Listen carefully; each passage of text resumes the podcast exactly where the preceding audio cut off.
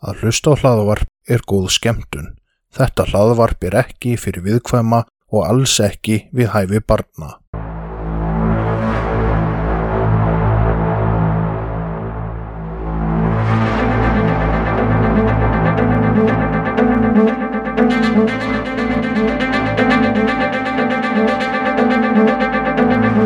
Þetta hlaðvarp er hluti af IK Network. Góða skemmtun. Velkomin í hvað ætli sé að. Velkomin Telma.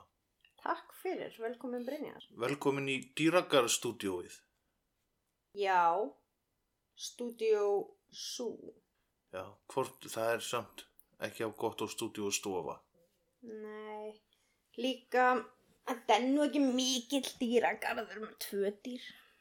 Herðu já, við erum komin með svona maskott, þátturinn. Maskor, hvað er það?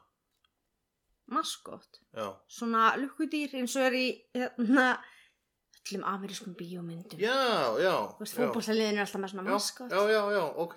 Mumford er maskottið mitt. Já, ok. Og það lurku var það ekki fyrir. Jú, ég með tvö. Er ekki öll liðin bara með eitt? Ég með tvö. Ég er heldur ekki lið. Nei. Telma, Já. ég er með svakalegu spurningu fyrir því spurningu dagsins. Ætlar aftur að spyrja hvað kann hann að vera stór. Nei. Að þínu mati, Já. hvað er besta lag allra tíma? Besta lag allra tíma. Þínu mati. Þetta er erfitt. Þessi er mjög erfið. Ég ætla að segja dánafröknu í erðafarir. Sigurós útgáfan eða, Já. ok. En það er þitt mat og þarf á engan hátt að endur spekla mat þjóðarinnar. Nei, en það er tónverk sem að mér finnst mjög, mjög flott. Já, álíka hefur gott og viðra vel til loftárosa. Já. Æ líka eins og bara atriði englar alheimsins. Það svona, það er, þetta er keðveikt tónverk. Þetta, þetta er mjög flott. Lag. En hvað finnst þér? Telma, Mm. mitt mat er ekki flókið. Ætlar að segja eitthvað skímúlag. Nei, það sem ég ætla að segja er Afríka með Tótó. Já, það er fínt lag. Það er nefnilega geðveikt lag. Þú ert svo kvefaður. Geðveikt lag. Fórst þú á Tótó þegar þeir voru? Nei, ég fór ekki að Tótó. Er ég einn af fáum sem fór á Tótó? Þú ert einn af fáum sem varst miðaldra fyrir aldur fram. Þetta var geðsturglaður tónleikar. Varstu miðaldra fyrir fermingu líka? Nei, þá var ég 13 ára. En varstu svona miðaldra inn í þér? Ég veit það ekki. Hvað varstu gamall að Tótó var? 17 17 Og þú varst eini úlingurinn á Tótó, vantarlega. Eh, Sko, ég er Mr. Sko, það, já, allavega fór meðalaldurinn aðeins niður. Þú dreigir miðaldurinn hressilega niður bara svona alveg algjör útlæði þannig í aldrei. Já, en það, eh, þetta þau voru geðveikir, sko. En ég fór í bæðiskiptin sem Ramstein er búið að koma.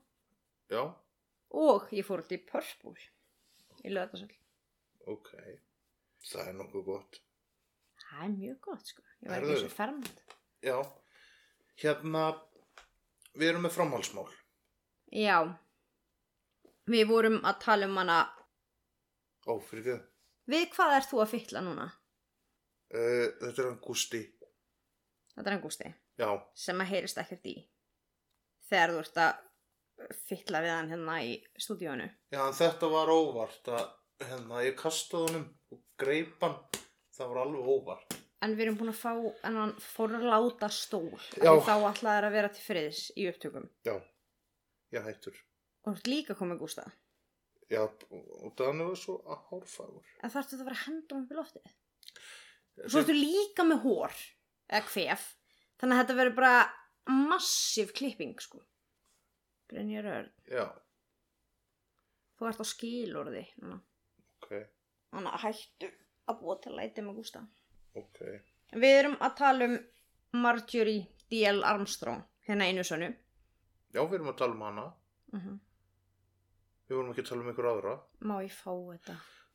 Nei, Þetta er eins og að vinna á leikskóla ég var að hlusta. Ég held að þú ætlaði að segja eitthvað meira. Þú horfir niður og ert eitthvað svona pugrast með kveitikall í klófinu Já, ég var að hlusta á þig. Þú fara uppsæðanbrjóð eftir sko Ætlaði þú að skrifa það eða Big Mama? Big Mama er svo góð, þú myndi ekkert skrifa að ég, ég geri það bara.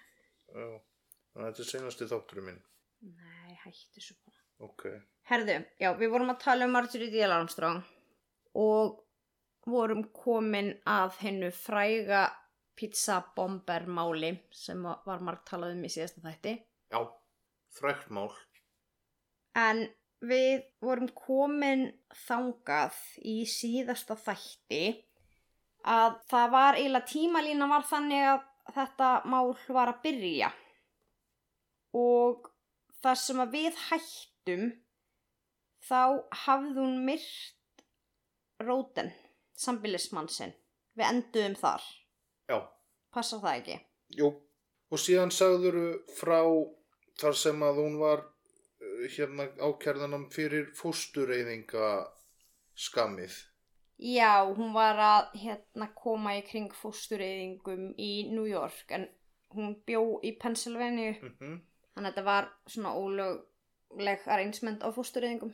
Sem sagt, ef þú ert að hlusta og veist ekkert hvað erum að tala um, þá er þetta sem sagt partur 2 af þættinu þannig að það var að fara neðar á listanum og íta á fyrsta þáttin til að vita hvað við erum að tala um. Byrja að hlusta þátt nummer 1, svo farið í þátt nummer 2. Viltu koma með nánari lefningar? Nei, þetta Nei. er svona eins og þú ert að horfa á Die Hard, skilur, Mhm. þá byrjar að horfa á Die Hard 1 og horfið svo á Die Hard 2 og skilur, þú byrjar ekki að horfa á 3 og svo 1 og svo 2. Við skýrum náttúrulega þáttinn bara Marjorie D.L. Armstrong partur 2. Já, Það er ekki bara. jú, Ok. Herðu, en hún myrti sem sagt sambilismannsinn, hann James Roden, til að koma í veg fyrir að hann myndi koma upp um planið hennar í þessu máli sem við erum að taka fyrir þessum þætti. Og fyrir þá sem ekki muna þá var hún búin að myrða einn sambilismann áður. Mögulegt hún hafi myrt annan, hann dó allavega svolítið svona dölafullum kringumstæðum og þannig er hún búin að myrða James Roden. Heið fræga pizzabombermál hófst hann 28. ágúst 2003 með atviki sem átti sér stað í Erie, Pennsylvania, en það var heimabær Marjorie. Pizzasendillin Brian Wells gekk inn í bankaútibú PNC bankans og rétti gjaldkeranum miða sem ástóð að um rán væri að ræða og að hann væri með sprengju framan á sér. Brian var klættur í hvítan stutturmaból með áleitruninni Guess sem var handskrifuð á bólinn. Undir áleitruninni á miðjum brjóskassanum var bunga á starfi skókassa en sprengjan var fest um háls hans með eins konar járnfestingu sem leit út eins og helmingurinn af handjárnum. Þannig að eins og setur handjárn utan um úliðin þá var þetta bara svona sem lestist utan um hálsin á honum og hertist að og svo hjekk þá neðan úr því búnaður sem að kemur þá alveg eins og svona skókassi fram á brjóskassan á honum. Þetta, er mjög ábeðandi. Brian var rólegur og yfirvegaður. Hann var svo rólegur að hann mótumælt ekki einu sinni og fór ekki einu sinni neitt að rífast við gjaldkeran að því að hann fór fram á að honum eruðu afhendu 250.000 dólarar en gjaldkerinn sagðist ekki geta gert það. Þannig að hann tók bara við 8.000 dólarum sem honum voru afhendir og svo röllt hann bara rólegur og svona eitthvað léttur í bræði út á bankanum með sleikju í munninum hann hefði bara fengið sér sleikju og tölt bara svona út með 8.000 dólarana og springjuna framann á sér eins og fólk gerir ég hefur aldrei verið bara eitthvað á góðum þriðjudegi og gert þetta. Jú, jú, hver kannast ekki við það? Nei, nei. En hann var líka með staf. Svolítið svona undarlegan staf, en samt bara leit út þessu stafur, virkaði sem stafur en þetta var svona dual purpose, vá, ég finn ekki íslenska orðið. Þetta var trójuhöstur. Já, en hann þjónaði þessum tilganga, þetta var líka byssa. Þetta virkaði sem stafur, Já, en þetta leit var líka leit byssa. út eins og stafur en var í raun og veru byssa. Virkaði líka sem stafur. Já, já, þetta leit út og... En trójuhestur virkar ekki sem hestur. Nei, það er til að gappa. Hættu að snúta öllu sem ég segi. En Brian gekk svo bara út í bíl en hann komst ekki langt því að lauruglan stöðvaðan stuttu setna að því að þegar hann rændi bankan þá hafði gjaldkerinn kallað á annan starfsmann, hún kallaði Daisy en það starfaði held ég enginn sem hétt Daisy í bankanum af því að þetta nafn var svona leini orð sem að starfsmenn bankans gáttu notað ef bankin var rændur. Í staðin fyrir að öskra bankarán þá gáttu við bara hey Daisy! Og þá ítir einhver annar á neðanhnappin þannig að lauruglan greinilega mætt bara fljótt og náðunum eiginlega bara strax þannig að við bílaplaninu að það múti bara svona sirka. En þegar lauruglan stoppaði hann og sá að hann var með þetta framan á sér og hann sagði þeim að væri með sprengju þá var hann látin sitja á götunni á meðan lauruglan kallaði til sprengjusveit til aðstofar en hann satt á götunni handjárnhaður og bara einhvern veginn ótrúlega rólegur að reyna að samfara lauruglumennina um að hjálpa sér að finna vísbendingu til að koma í veg fyrir að sprengjan um hálsanánum myndi springa. Í bíl Bræans fundust flókna leiðbenningar með miklu úþarfa randi. Þetta voru svona margar blaðsýður af einhverjum leiðbenningum. Þetta hefði alveg geta komist bara fyrir á einni blaðsýðu. Þetta var bara einhverjum fullt úþarfa randi til að flækja málið. En þetta virtist vera einhver svona ratleikur. Ratleikur sem hann átt að leysa til að afvirkja sprengjuna. Brian sagði lauruglunni að fjórir svartir menn hefðu ráðist á hann og fest sprengjuna um hálsun á honum. Á meðan beðið var eftir sprengjusveitinni, sem var föst í umferðateppu, hétu lauruglumenn eiga sig að koma nálagt Brian ef skekkinni að ekki væri um plat sprengjubúnað að ræða. Sjálfur virtist Brian ekki vera alveg viss hvort þetta væri álfur sprengja eða ekki, en hann vildi samt gætna losna við hana. Það er verið rosalega þungt um hálsun á honum líka. En hann hjælt, Og, og sko, sama platið ekki, bara vita að því og þú veist kannski ekki sjálfur hvort þessi platið ekki. Þannig að bara vera þessum spórum og vera með þetta utan á sér, það er Mhm. bara mjög óþægilegt hvort sem að, hvort sem það er. já og þetta er, við kannski setjum mynd af þessu á Instagram, þetta er svona stór, náttúrulega jafn krægi, þetta er örugglega rosalega þungt. En hann virti samt halda ronni mjög lengi þanga til að sprengjan fór að pípa. Og ég sá mymband að þessu og þá sá maður alveg hún svona stóð ekki á sama og þannig að ókerist allir með sprengju og allt er svona pípa. Mm. Ó, fokk. En, Smá pæling, býtu, fyrirgjöðu. Hérna, út af því að, eins og þú sagðir, hún fyrir að pípa. já, Pípa alltaf sprengjur. Er aldrei bara svona pff, upp úr þurru. jú, það er bara eftir hvernig hún er smíð. Ok, ferða bara eftir því. Eða er þetta píp sett eitthvað sérstætt til að búa til þennan nótta? Þú getur gert það. Það er örgulega pottitt gert til þess, en til dæmis í Unibomber málinu, Mm. sprengjum sem hann gerði, þær voru ekki með pípu minni. Nei, það er bara aktivitaðist þegar var opnað. Þá, pff, Já. Og það eru líka til sprengjur sem eru þannig að það er sett svona kvikasilfur. Þá ertu með víra sem að snertast ekki alveg og með málum sem að leiðir ramagn þannig að til dæmis að þú hallar kassanum á ákveðu mikið þá rennur til í til dæmis glerhylki og þegar það rennur til þá tengir það sama vírin og þá myndar ströymur og þá springur. já, Það er til dæmis til, til alls konar.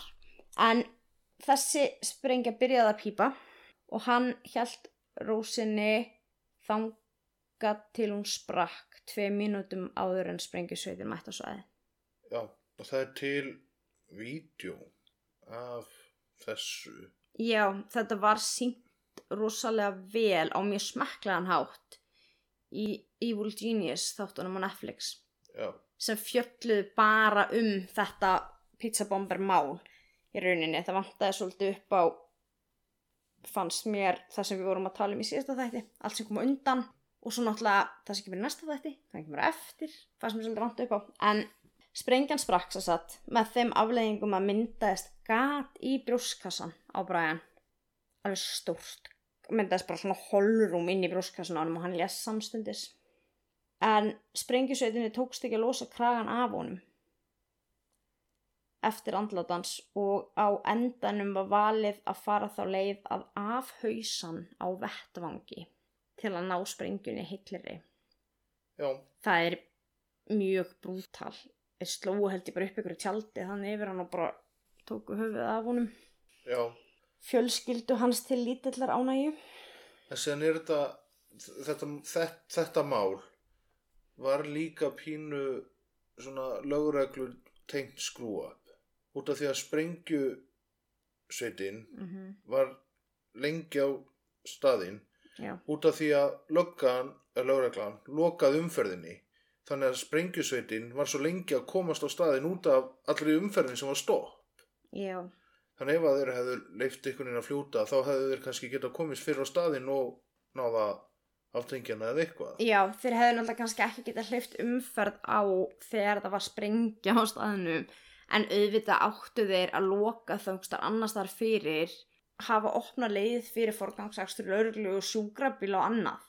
Já, en þetta svolítið skrúab og þetta gerist líka í, í þetta lítill bær í Pennsylvania maður veit ekki alveg hvort þeir hafi verið bara hvernig þeir undir þetta búnir sko nei, það er og mann finnst oft vera svona í minni bæjum þeir eru ekkert vanir minni líku kannski á einhverjum hriðjverk árásum í 200 manna bæ eða 2 miljón manna bæ Núna alltaf veit ég ekki hvernig það virkar. Ég hef til dæmis aldrei komið á kópasker eða rauvarhöfni eitthvað svona litla bæi út á landi bara sem dæmi. En ég get alveg ímynda mér að svona hlutir sem að kannski lauruglan í Reykjavík þarf að takast á við séu hlutir sem er ekkert að koma upp á þessum stöðum. nákvæmlega.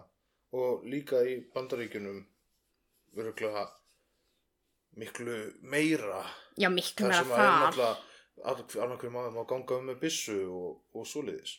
Já, en við nánari aðtögun þá kom í ljós að Brian starfaði sem pizzasendill og stuttu áður en hann mætir í bankan hafði hann verið að keira út pítsu. Pítsan hafði verið pöntuð í heimsendingu stutt frá bankanum en þegar þeir fóru að kanna þetta þá var þetta ekki heimili.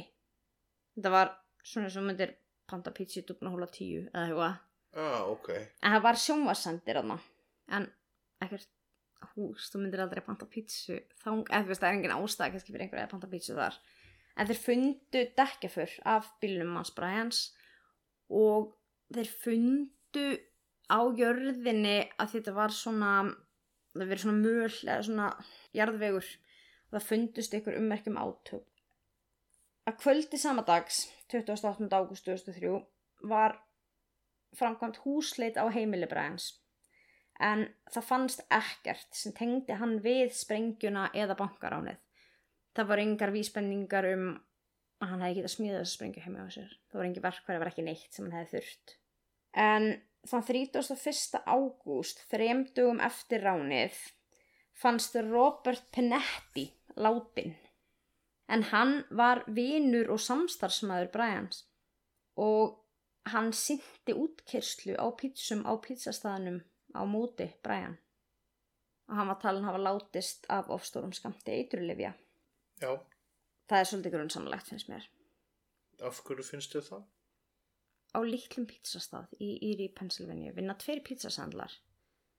Annar þeirra rænir allinu banka með sprengju sem springur og hinn finnst látin. Já, Mér finnst það skrítið. menna fólk deyr úr overdose á hverjum degi Já, já, en þessi tímasetning finnst mér Pínu er bara undarleg. dægur frá tímasetningu Já. Ok, bara hann fannst látin hann á sama tíma. já, ok En þann 8. september var síðan framkvæmt húsleit í íbúð manns af afrískum uppruna eftir að kærasta mannsins hafi tilkynnt um að maðurinn hefði þekkt Brian Wells. En maðurinn var aldrei ákjörður þannig að líklega hefur ekkert fundist við leitina og þeir voru að leita að mönnum af afrískum uppruna af því að hann sagði að fjórir svartir menn hefur aðvist á hann. Þrýr. Fjórir. Sæður þrýr áðan. Mm, það hefur mismælt mig. Ég heldur að þeir voru heldur potið fjórir. Ok. Ok, ég held ég að fjórir ráðan, en ok. Þann 20. september 2003 gerist það síðan að Bill Rothstein, sem við tölum um í síðasta þætti, sem var fyrirverandi unnusti Marjorie D.L. Armstrong. MDA. Já, að kalla hana hérna frá í samtalenu okkar MDA. nei, því kalla hann nú bara Ar- Marjorie. En hann ringir í laurugluna og tilkynir að það sé lík í fristikistu á heimili hans. Hann hvaðst vera að geima líkið fyrir vin, eins og maður gerir. Ég hef með, við erum með þrjú til kistu hjá okkur sem við erum að geima fyrir vinni. Já, já, herði nefn vinum minn átt að ég er að geima þetta. En já, hann ringir og tilkynir þetta. En líkið í fristi Rothsteins reyndist vera líkið af James Roden fyrir um sambilismanni Marjorie sem að hún hafði myrt. Þannig í endan og síðasta þætti tölum við um það.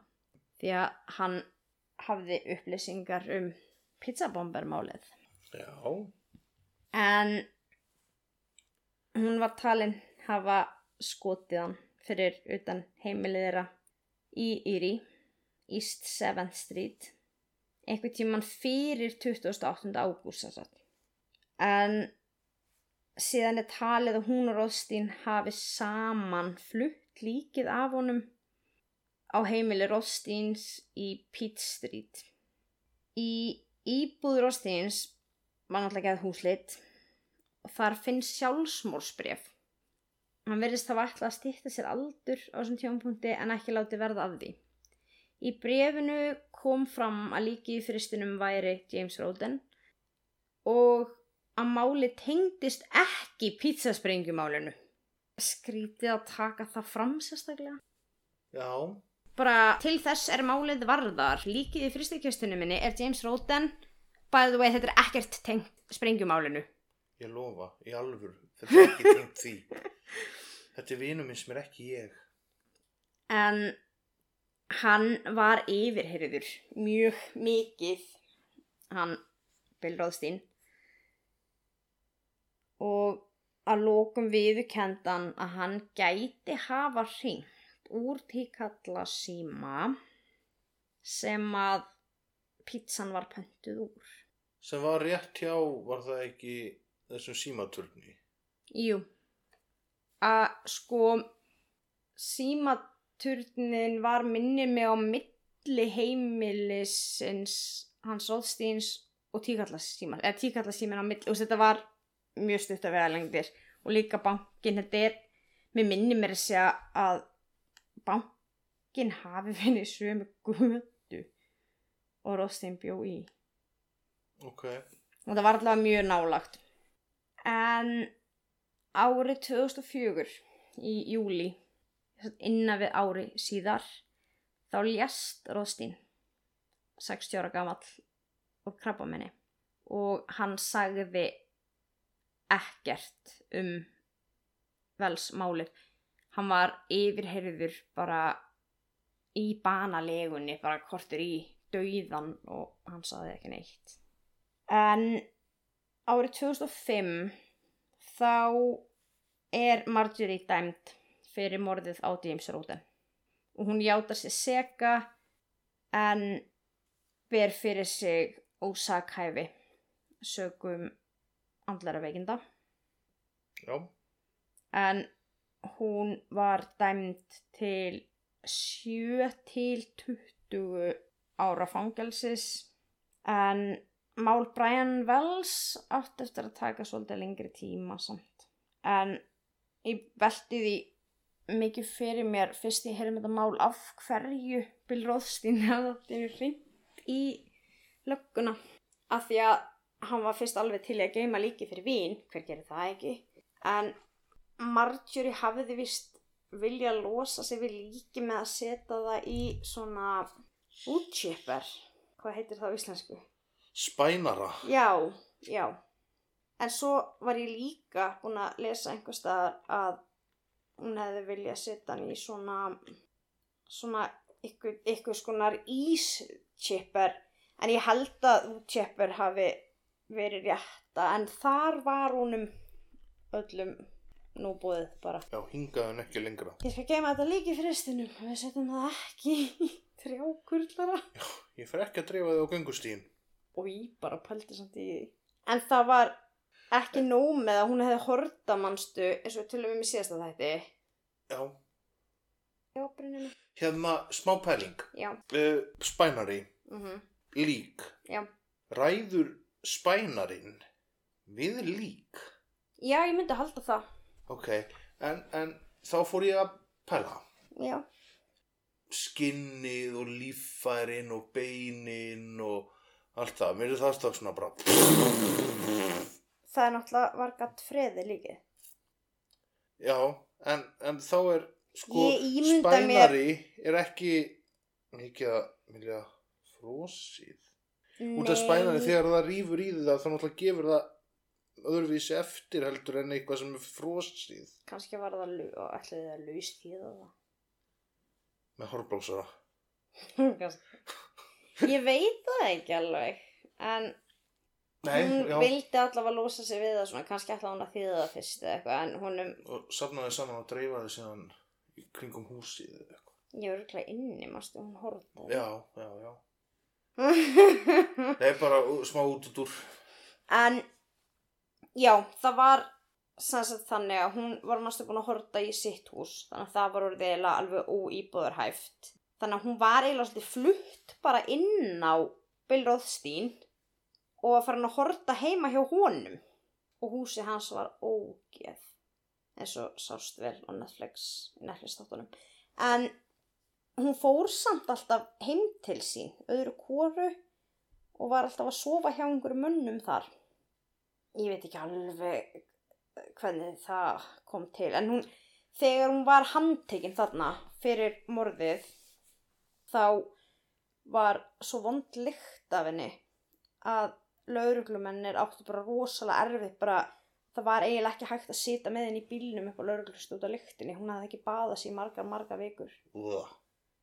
Já, lyktin var vist alveg bara hræðileg og svo var hún í svo mikill maníu og með þetta pressured speech sem vorum að tala um í síðasta þætti að hún talaði stanslust alla leiðina bara, hún, bara, hún andaði valla við þurfum að spila smá upptöku af henni þegar hún er í svona randi það er ekki mjög skemmtilegt að hlusta á sko. Your case? Yeah, yeah. Who built who built the bomb that killed Brian Wells? I don't know, but I would guess, if I was gonna guess, it would have been William Rothstein because he's been bragging about knowing how to build bombs. That's one reason I broke my engagement off with him. Do you think that when Rothstein died that helped or hurt, hurt your case? Well, at first I was really happy because I have a belief in karma. And, and they think I'm crazy, but you know, they died right on time. So you tell me if I'm crazy. En það kom senni ljós að hún hefði myrt James Roden af því hann ætlaði að segja frá málinu. Svo var pizzasendillin sem dó úr ofstórum skamti það þótti eitthvað svona pínu fyrðulegt og svo var líka í fórstíðinni þá voru einhverjir kærastar og eitthvað svona, þú veist það voru eitthvað sjálfsvík og eitthvað svona fyrðulegt það var einn, einn kærasti sem hún sleitt samvistum við sem að svifti sér lífi en Bill Rothstein viðukendi sem sagt aldrei neitt um velsbankaránið en það fundust heima hjá honum við húsleitina eftir að sjálfsmórsbrefi fannst. Það fundust miðar með handskriftinni hans sem var sama skriftin og var á ratleiksmiðunum og það var talið að Bill Rothstein að því hann var rafvirki mástu, og hann var svona handlæn að hann hefði smíðað sprengjuna. Eftir að Marjorie var náttúrulega dæmt fyrir morðið á Róten þá er tekið viðtal við hana í fangelsi árið 2005 og þar viðukend hún að hún hefði drefið hann til að þakka niður í honum, hann myndi ekki segja frá velsmálinu og hún viðukendi að hún hefði aldrei talað í neinum smáatriðum um málið af því að hún var svo hrætt um að þá myndi það koma upp um hana í valsmálinu. Þannig að hún sagði aldrei einu smáatriðum frá morðmálinu sem hún hefði verið dæmt fyrir hana. En hún viðkendi að þarna að hún hefði útvegað Bill Rothstein svona eldúsklukku, hvað heitir það, svona ekkjaklukku eða svona. bara tæmer. Já, sem var notið í sprengjuna og hún talaði um að hún vildi fá svona immunity þannig að það var ekki hægt að sækja hana til saga Friðhelgi. Já, mér minnir að Bill Rothstein hafi fengið friðhelgi ef að hann, var búið allavega en hann alltaf var að deyja og krabba með henni þannig að hann kannski ekki tapt mikla ráðgjör af því. Hann dón alltaf hann bara rúman innan við ári síðar. En hún talaði um að fá friðhelgi en svo eins og hún var þá hjælt hún bara áfram að bladra og bladra og enda alltaf uppi með að hún fekk engan samning af því að hún held ekki að kæfti yfir neinu nú lengi til að knýja það í gegn. Betur er að tekja hann að tala. Já, en hún hefði náttúrulega kannski aldrei fengið það í gegn. En það var síðan í júli 2005 sem að rannsækjendur taka viðtal við mann sem heitir Floyd Stockton. En hann var sambílis maður, Róðstín, eða legði með hjá honum, með honum. Þeir voru svona roommates meðlegandi. já, meðlegandi mitt á þeim tíma sem að Brian Wells ræni bankan. En hann sagði að Rostín og Marjorie hefðu verið á bakvið þetta mál og það hefði verið að þeim hefði vanta peninga. Það var síðan í ágúst 2005 að rannsækjendur tala við mann að nafni Kenneth E. Barnes.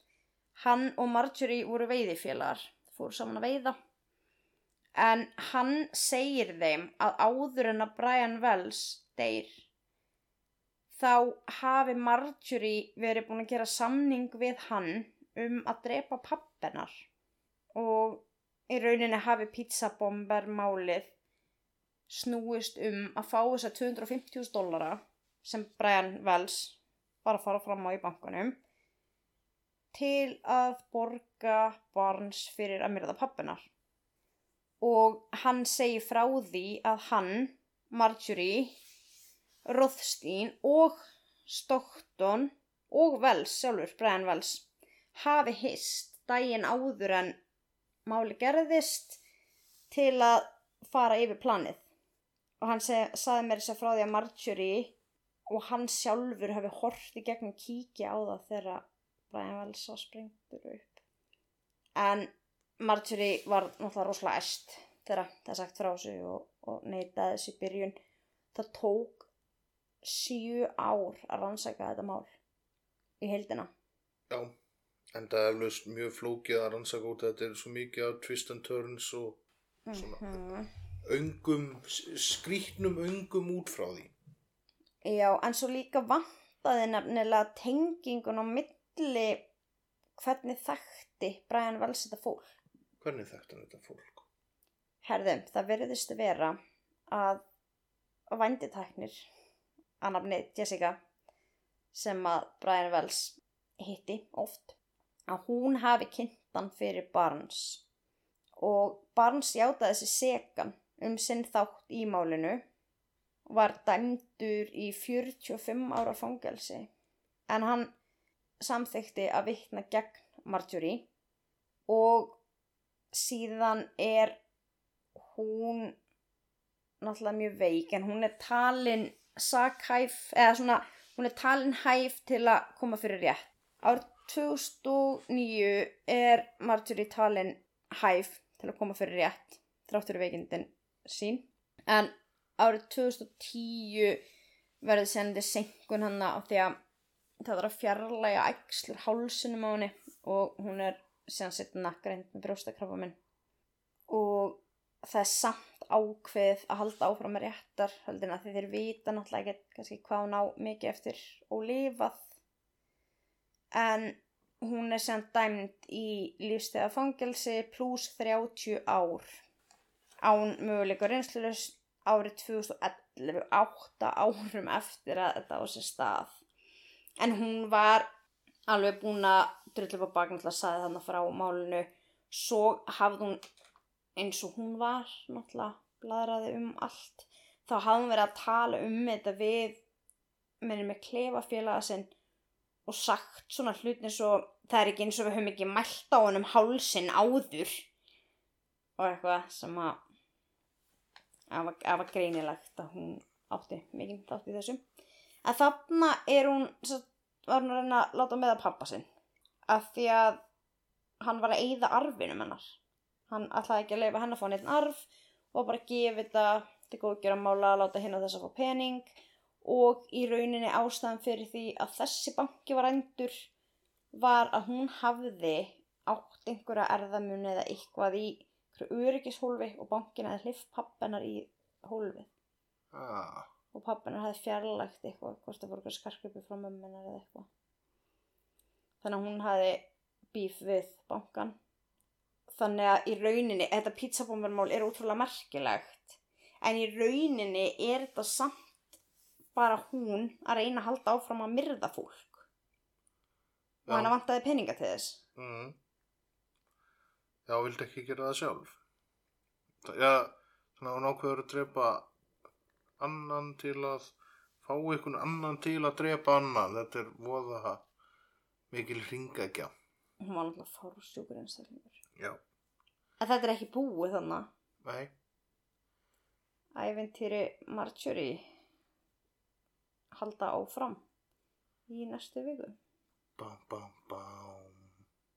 já og tökum við saman hvernig þetta er, endaði og hvernig hvað er búið að vera í gangi bara síðan það er ennþá eitthvað í gangi í sambandi með mál sem er ólist mm, við erum að fara yfir það hvernig við höldum að það leysist já, þetta, þetta er miklu meira mál en maður gerir sér grein fyrir.